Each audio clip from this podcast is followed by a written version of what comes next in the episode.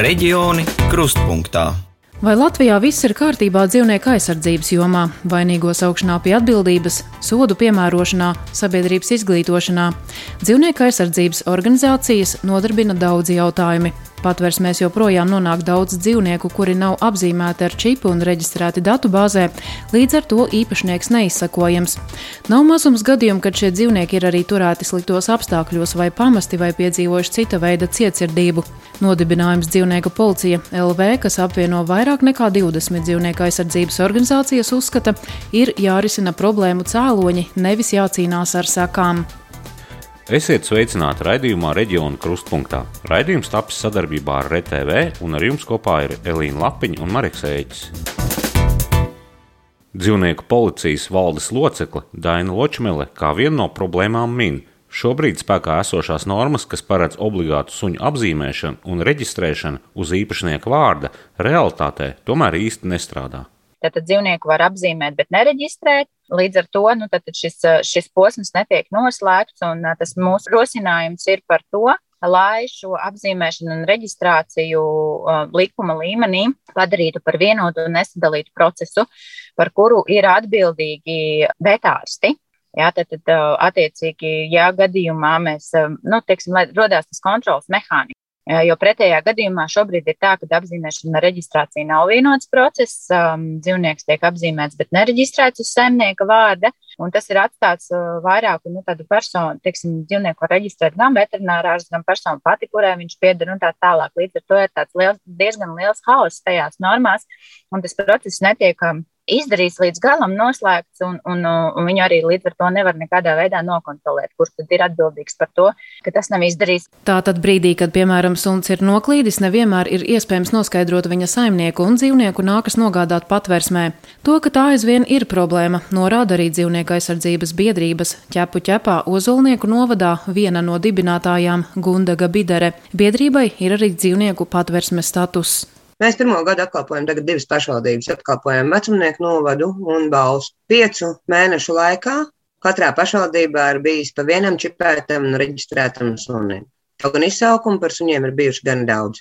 Ņemot vērā, ka patversmēs dažādu iemeslu dēļ nonāk gana daudz suņu, dzīvnieku policijas valdes locekle Daina Ločmela vēl piebilst, iespējams, tās arī nekontrolētas dzīvnieku pavairošanas sekas, turklāt tam sekojoši rodas arī citas problēmas tie dzīvnieki no kaut kurienes rodas. Nu, viņi tad rodas no tiem cilvēkiem, kuru biznesa vai kuru rūpals ir dzīvnieku pavairošana. Viņi viņus neapzīmē un nereģistrē uz sava vārda. Tas nozīmē to, ka visi šie pavairotāji un audzētāji paliek ānu ekonomikas zonā. Mēs nezinām, cik viņu ir, kādos apstākļos šie dzīvnieki tiek audzēti un pavairoti. Un pēdējos gados mums ir bijuši pietiekoši daudz skaļas lietas saistībā ar to, kādos apstākļos šie dzīvnieki tiek pavairoti un audzēti. Spilgtākais piemērs, droši vien, ko visi atcerās, ir 58 masunīši pārdaugavā trīs stab dzīvoklī.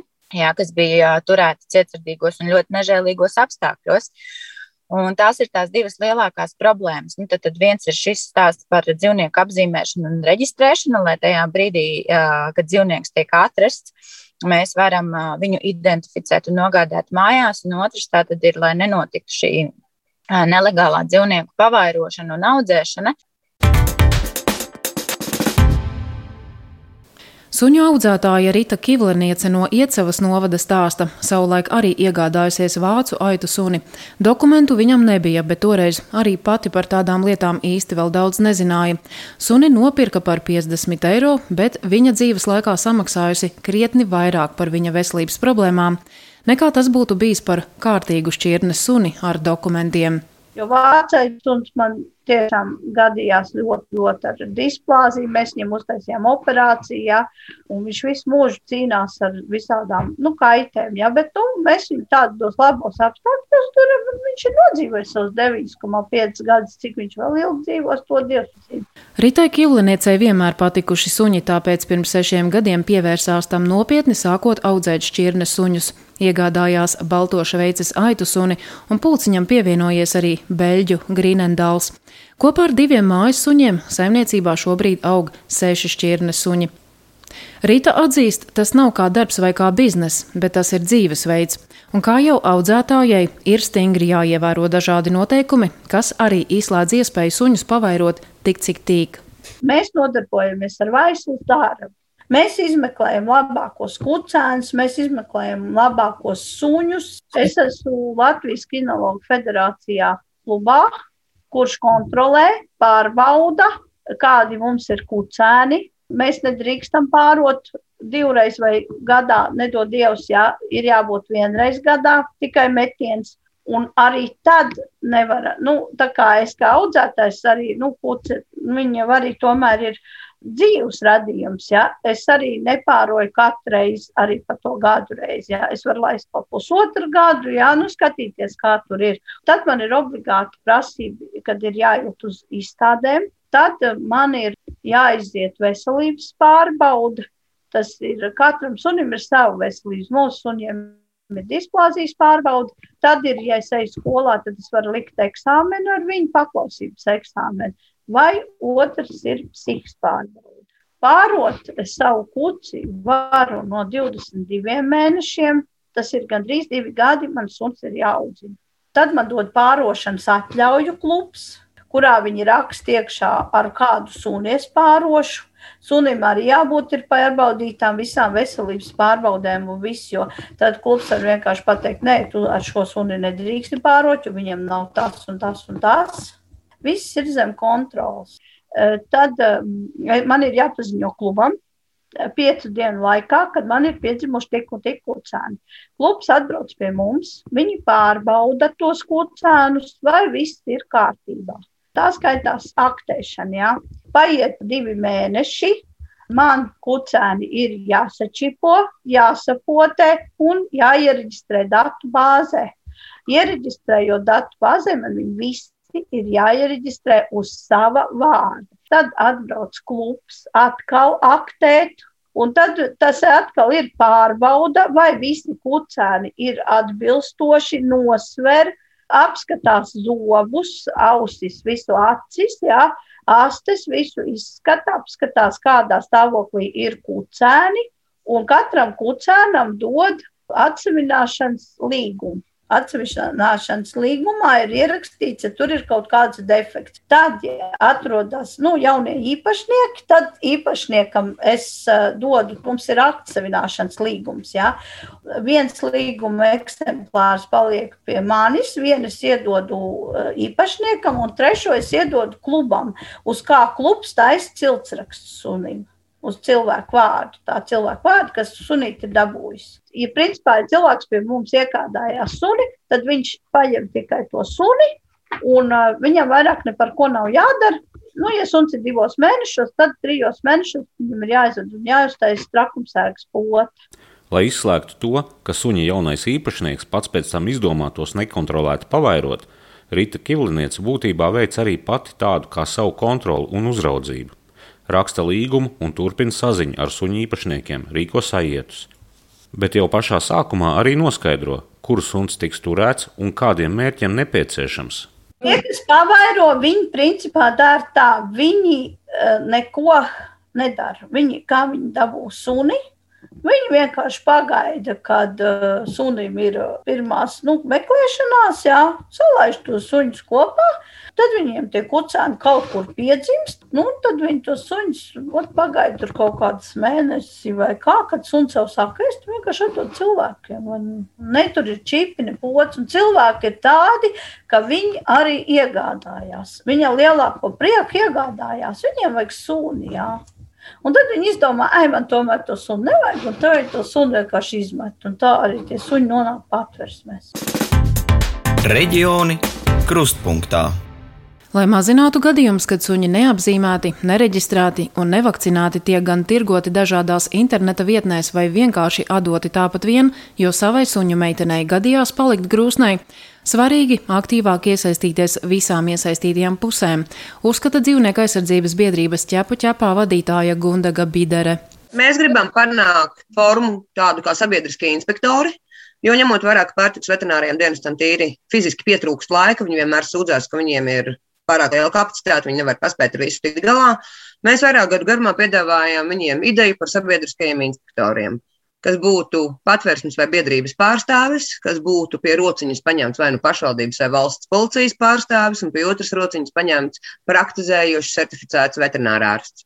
Vetārsts uz vietas apskatās, kādā stāvoklī ir dzīvnieks, vai tā ir labturības prasība pārkāpuma, vai tā jau ir cietsirdīga izturēšanās pret dzīvnieku.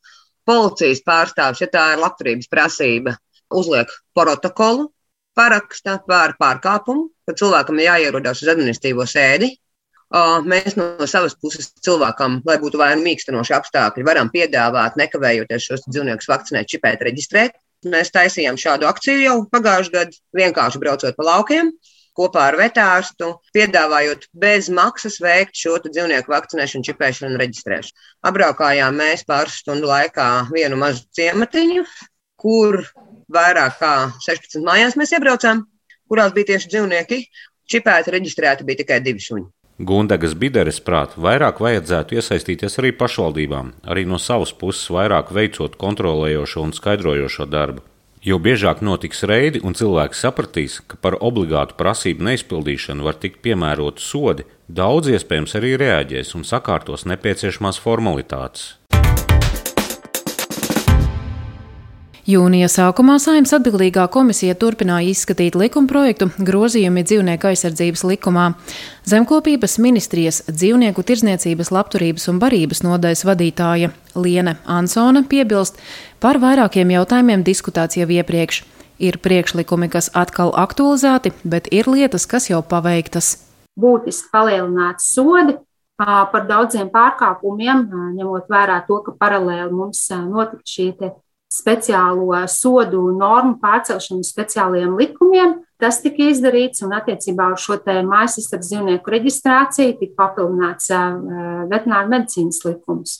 Tas, par ko mēs vēl runājam, kas vēl būtu darāms, un paredzot, ka turpmāk visas darbības, kas ir saistītas ar mājas izsardz dzīvnieku apzīmēšanu, reģistrāciju, pasas izsniegšanu, Tad turpmāk šīs darbības varēs veikt tikai un vienīgi pie praktizējoša vetārsta.